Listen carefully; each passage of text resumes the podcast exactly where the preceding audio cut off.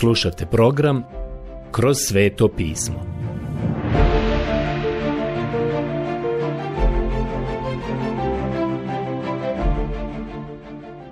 Knjiga Poslanica Filipljanima Odlomak Poslanica Filipljanima Poglavlje 2 od 8. do 11. stiha Prijatelji, prošli put smo se zaustavili ovdje u drugom poglavlju Poslanice Filipljanima i ovo je tako divno poglavlje.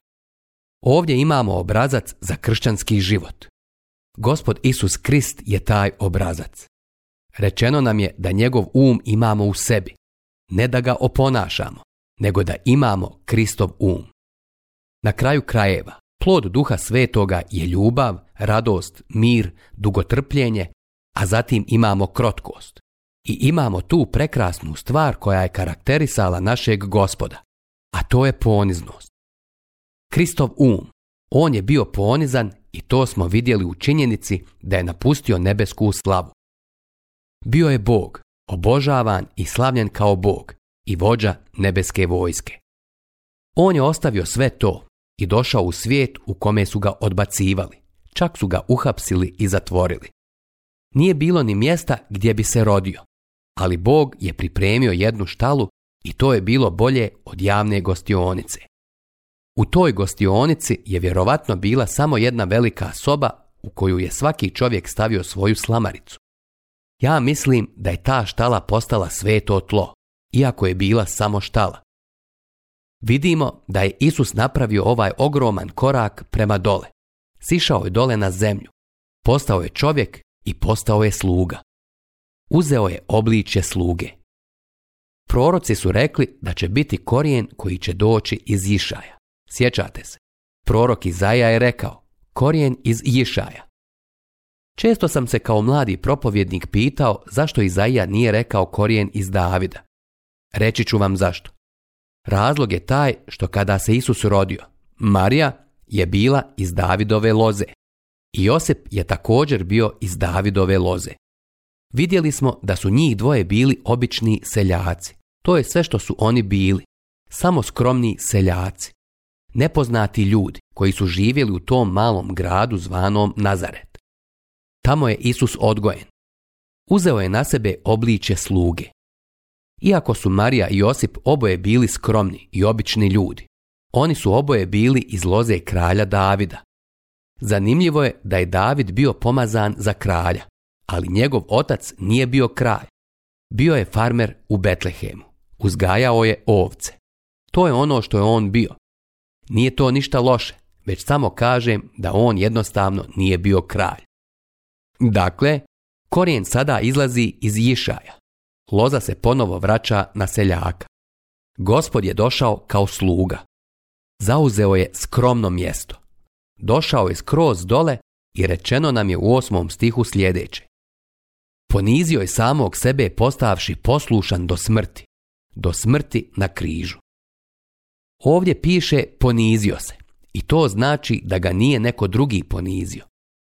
Siguran sam da su mnogi od nas poniženi jer je to neko drugi učinio.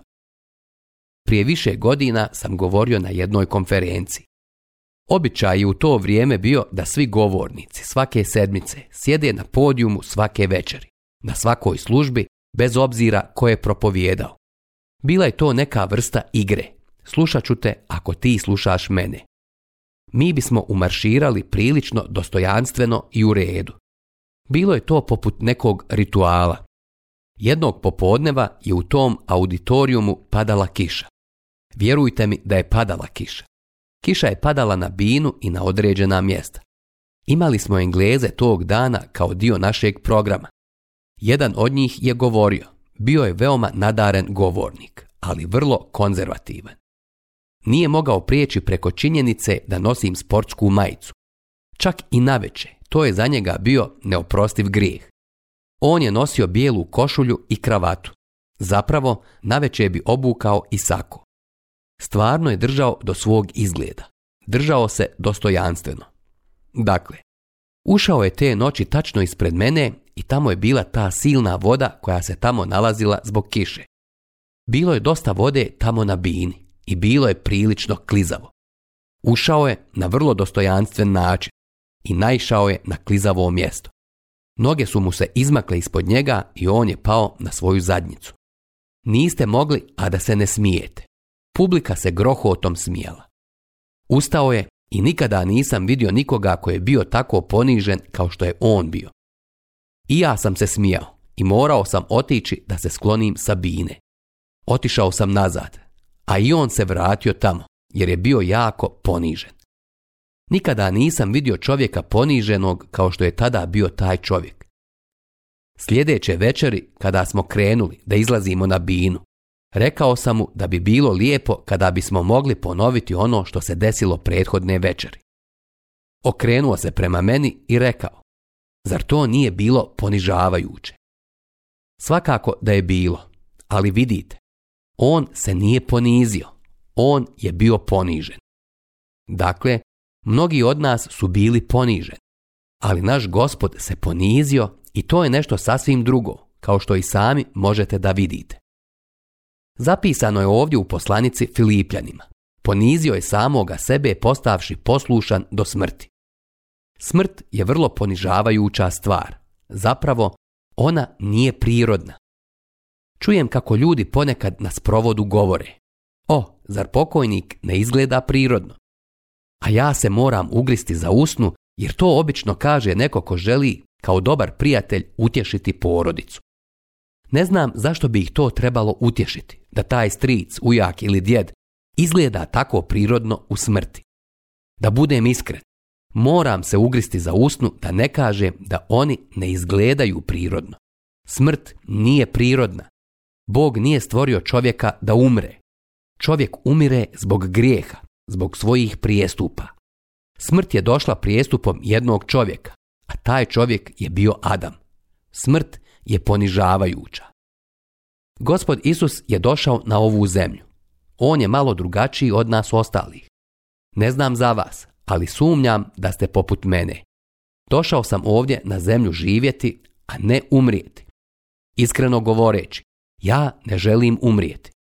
Želim živjeti i zamolio sam gospoda da mi dopusti da živim i završim ovaj petogodišnji program. Kada je doktor prvi put otkrio da imam rak, bio sam usred dvojpogodišnjeg radio programa.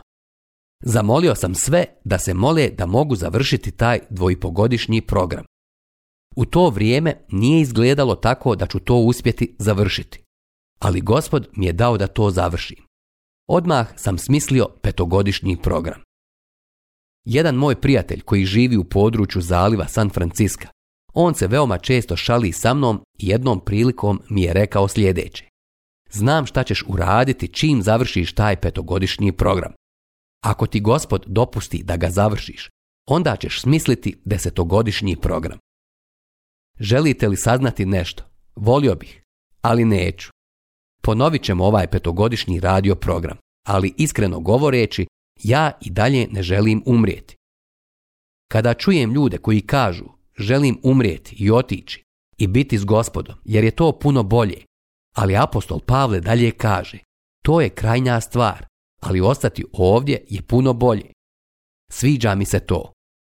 Osjećam da postoji posao koji treba obaviti i da postoji nešto za nas danas čim smo ostali ovdje na ovoj zemlji. Želim ostati, iako se ne bojim smrti. Želim još živjeti, ne želim umrijeti. Gospod Isus je došao na ovu zemlju da umre. Nije morao umrijeti, ali je došao i dobrovoljno se predao smrti. Postao je poslušan do smrti, a nije morao. Moram umrijeti, ali ne želim. Ni Isus nije morao umrijeti, ali je to želio. Zašto? da bi mene spasio, da bi tebe spasio i sve vas ukoliko vjerujete. Ponizio je samog sebe postavši poslušan do smrti.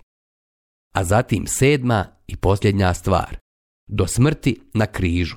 Poslanica Filipljanima 2.8.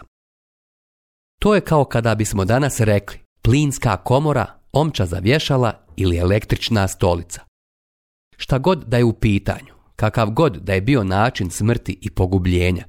Ja sada ne želim ovdje upasti u neku drugu temu, već samo želim reći da Božja riječ govori o smrtnoj kazni. Biblija je vjerovatno najveći civilizacijski instrument koji je svijet ikada imao. Kada neko kaže da je smrtna kazna necivilizovana, očigledno ne zna šta je sami temelj naše civilizacije. Slučajno je to riječ Božja.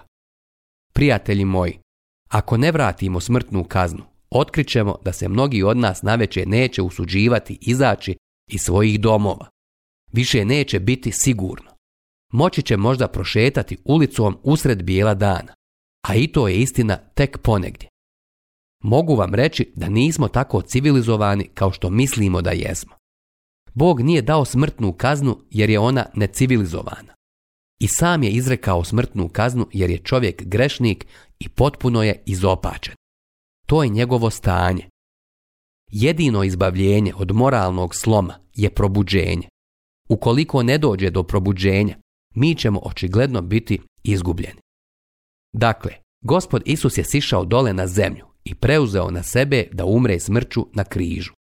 Najniža stvar koju je mogao preuzeti na sebe. Došao je od najveće slave do najnižeg mjesta poniženja. Zašto je on to učinio? Vratimo se onoj našoj riječi drugi. Ne gledajte svako samo na svoje, nego i na ono što se tiče drugih. Ostavio je svu svoju nebesku slavu i sišao je na ovu zemlju. Postao čovjek za druge, za nas, za tebe i mene. Hvala Bogu na tome. To je Kristov um. Božji um je da proslavi Krista. Počevši od devetog stiha imamo sedam koraka prema gore. Do sada smo imali sedam koraka prema dole, a sada imamo i sedam koraka prema gore. Molim vas zapazite, Boži um je da uzvisi Krista i ovo je sedam koraka. Počet ćemo ovdje sa devetim stihom. Zato i Bog njega uzvisi i darova mu ime koje je nad svakim imenom. Poslanica Filipljanima 2.9 to je glavni cilj Boga Oca, da u ovom svemiru proslavi Isusa Krista. Da Isus bude proslavljen u svemiru koji je On stvorio. Također, cilj je i da bude proslavljen na zemlji gdje čovjek prebiva. Tamo gdje se čovjek pobunio protiv Boga. Ono što ovu malu zemlju čini značajnom i važnom jeste Kristova smrt, ništa drugo. Čuo sam jednog astronoma da kaže Mi smo mala mrlja u svemiru. I kada bi se ovaj mali univerzum u kome mi živimo izbrisao, to ne bi bila neka velika katastrofa. Jednostavno ne bi bilo nikakvog velikog efekta. I ne bi. To je apsolutno tačno. Neko je rekao, iako je tako mali u ovom univerzumu, čovjek je bolest na površini te male planete. To smo mi. Ono što je čovjeku dalo dostojanstvo i natjeralo ga da pogleda u nebo i pjeva doksologiju, jeste činjenica da je Isus Krist došao na ovu zemlju i umro na križu za nas. Zato i Bog njega uzvisi. Sada drugi korak. I darova mu ime koje je nad svakim imenom. Poslanica Filipljanima 2.9 Sljedeći put, kada uzalud izgovorite njegovo ime, razmislite o tome. Bog želi da uzvisi to ime koje vučete po blatu koje koristite uzalud. Pilot je izašao iz svog aviona u kome je eksplodirala bomba. Gotovo je čudo da je uspio prizemljiti taj avion. Rekao je da je samo govorio Isuse Kriste, Isuse Kriste. Ja sada ne znam kako je on to govorio. Mogao je to reći i kao neku vulgarnost. Bog mu se smilovao ako je tako uradio. Ili je to mogao učiniti u obliku molitve ime Isusa Krista treba uzvisiti iznad svakog imena. Ne, nije me briga. Možete uzeti bilo kojeg velikog čovjeka na ovome svijetu, slavne anđele, bilo koga i bilo šta, ali će uvijek njegovo ime biti iznad svakog imena, Isusovo ime. Molim vas, obratite sada pažnju na treću stvar koja je ovdje rečena. Na Isusovo se ime ima pokloniti svako koljeno a to uključuje sve i to je treći korak. Četvrti korak je bića koja su na nebu. Peti korak i na zemlji. Šesti korak i pod zemljom. Poslanica Filipljanima 2.10 Bilo je neki koji su upotrijebili ovo što je napisano ovdje da bi ustvrdili da će jednog dana svi biti pomireni sa Bogom, čak i pakao. Želim vam reći da to nije ono što riječ Božja uči, svi će morati prepoznati i priznati ko je Isus Krist. Čak će i u paklu to morati učiniti. Inače, mislim da će to dijelom pridonijeti i njihovom kažnjavanju. Zamislite one koji su uzalud uzimali njegovo ime, mrzili ga, odrekli ga se, koji su ga zapravo pljuvali ovdje dole, a morat će priznati njegovo gospodstvo. Ali oni se nisu pomirili sa Bogom, jer u poslanici Kološanima možemo pročitati da je on učinio mir krvlju svojim križem, da pomiri sve stvari sa sobom. Sve stvari. To znači pod zemljom? O ne. To su stvari na zemlji ili na nebu, ali ne i pod zemljom. Ne. Pakao se s njim nije pomirio, ali pakao će morati prepoznati i priznati ko je on. Bog je tako odredio Čak će i oni koji odbacuju Krista jednog dana morati stati pred njega i prepoznati ko je on. To je važna i veoma značajna stvar. Molim vas, zapazite šta piše ovdje. Na Isusovo se ime ima pokloniti svako koljeno, pred njim. Zatim rečeno nam je dalje u 11. stihu sljedeće. I svaki jezik ima priznati da je Isus Krist, gospodin na slavu Boga Oca. Poslanica Filipljanima 2.11. To ne znači da ga oni priznaju kao spasitelja. Ovdje ga ispovijedate kao spasitelja, ali ćete ga tamo morati priznati kao gospoda. To je vrlo zanimljivo.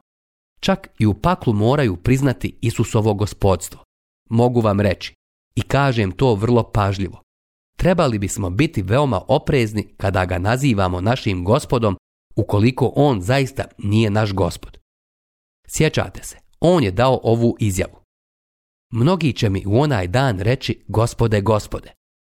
Oni ga nazivaju gospodom. Zapravo su čak činili čuda u njegovo ime. On će im reći, nisam vas nikada poznavao. Prijatelj, bolje bi vam bilo da ga upoznate kao svog spasitelja prije nego što budete išli u naokolo govoreći da je on vaš gospod.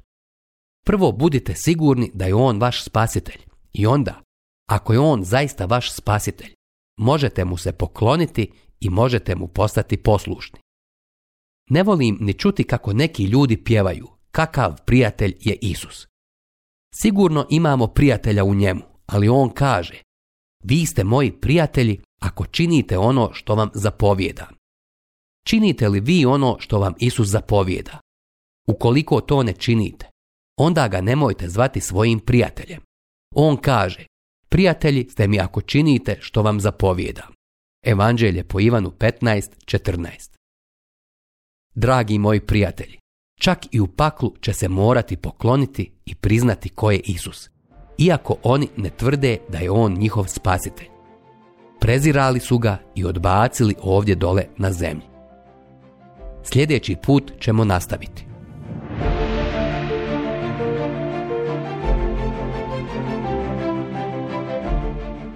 Slušali ste emisiju Kroz sveto pismo. Možete nas slušati i na našem YouTube kanalu, putem mobilne aplikacije, te na svim glavnim podcast platformama kao što su Google, Apple i Spotify. Ako vam se naši programi dopadaju, preporučite ih i podijelite s drugima. Budite slobodni da ostavite svoj komentar ili nam pišite na našu e-mail adresu kroz sveto at gmail.com Zapratite našu stranicu kroz sveto pismo BiH na Facebooku i na Instagramu. Emisije iz ove serije možete pronaći na našoj stranici ttb.tw.org.